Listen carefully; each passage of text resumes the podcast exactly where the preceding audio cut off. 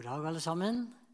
Og hjertelig velkommen til andakt nummer fire i serien om 366 dager om Jesus i Gammeltestamentet.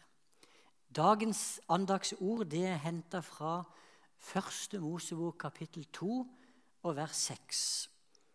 Og der står det sånn Men en kilde kom opp fra jorden og vannet hele jordens overflate.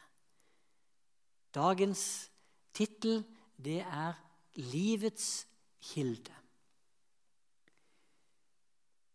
Da Gud hadde skapt himmelen og jorda, så fantes det jo ennå ingen blomster og vekster på jordas overflate. Alt var flott og vakkert, men det var livløst. Det fantes verken trær, gress eller planter eller noen form for vegetasjon. Men så står det da lot Gud en kilde komme opp av jorden, og vannet som strømma ut, det ble opphavet til alt liv. Flere steder i Bibelen så er jo vannet kobla til liv. Og det er jo egentlig veldig logisk og lett å forstå. Vi trenger jo verken være gartnere eller bønder for å skjønne at kornet som sås må ha vann, og at blomstene hjemme må vannes for at de skal overleve.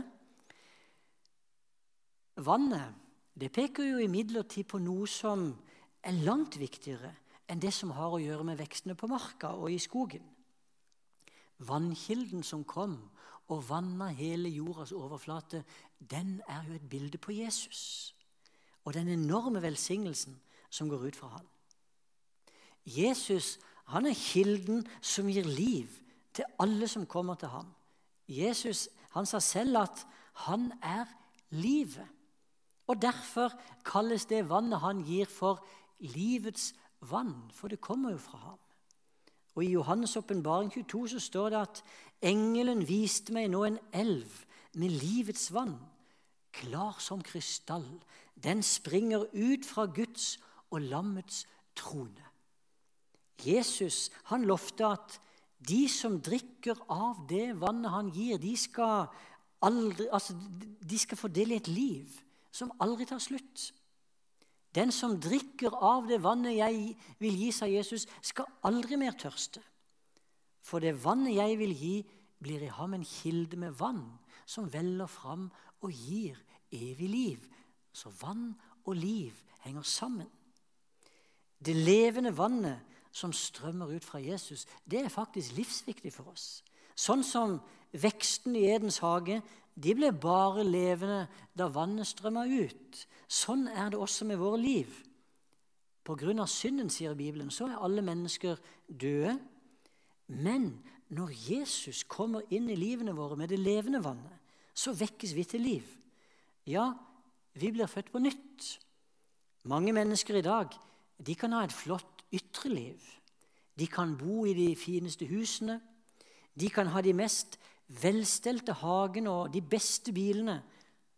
Ja, til og med kroppene deres kan jo være helt fantastiske og faste og vakre. Likevel så kan alt annet være trist og livløst. Dersom ikke de er kobla til vannkilden, så er jo alt dødt. Men Jesus er livets kilde. Han har vannet som gir liv til menneskene i verden. Vannet som strømmer inn i livene våre, det er også et bilde på Den hellige ånd og kraften som er i Han. Og Dette ser vi tydelig mange steder, både i Gammeltestamentet og i Nytestamentet. Og Ved en anledning så ropte Jesus ut, 'Den som tørster, han må komme til meg og drikke.' 'Og den som tror på meg, fra hans indre skal det, som Skriften har sagt, renne strømmer, renne elver av levende vann.' Dette sa Jesus om Ånden de som trodde på ham, skulle få. For Den hellige ånds nærvær i livene våre beskrives som et nærvær av levende vann. Og enhver som har stått ved store fossefall og sett de enorme kreftene som er i vannfallen, de skjønner jo litt av hvilken kraft som vi som tror på Jesus, har fått i oss. Og selve den kraften det viser jo til Den hellige ånds nærvær. Men kilden som kraften kommer fra, det er Jesus og Faderen. Den hellige ånd utgår fra disse to. Sånn beskrives det i Apostlenes gjerninger 2.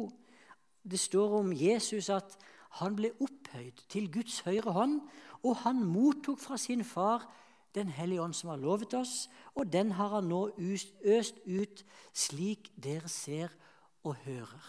Så Den hellige ånd ble gitt Jesus for at han skulle gi ham til oss. Og på den måten så er det jo alltid et samvirke mellom Faderen og Sønnen og Ånden.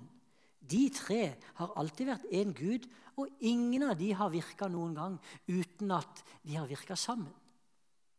Og som livets kilde så er jo også Jesus den eneste som kan sørge for at det produseres frukt i livene våre. Og frukten vi snakker om her i dag, det er jo mennesker som blir frelst og gjort til disipler. En sånn frukt vil komme ut av oss dersom vi blir i Jesus og han i oss. Da er vi faktisk garantert å bære mye frukt.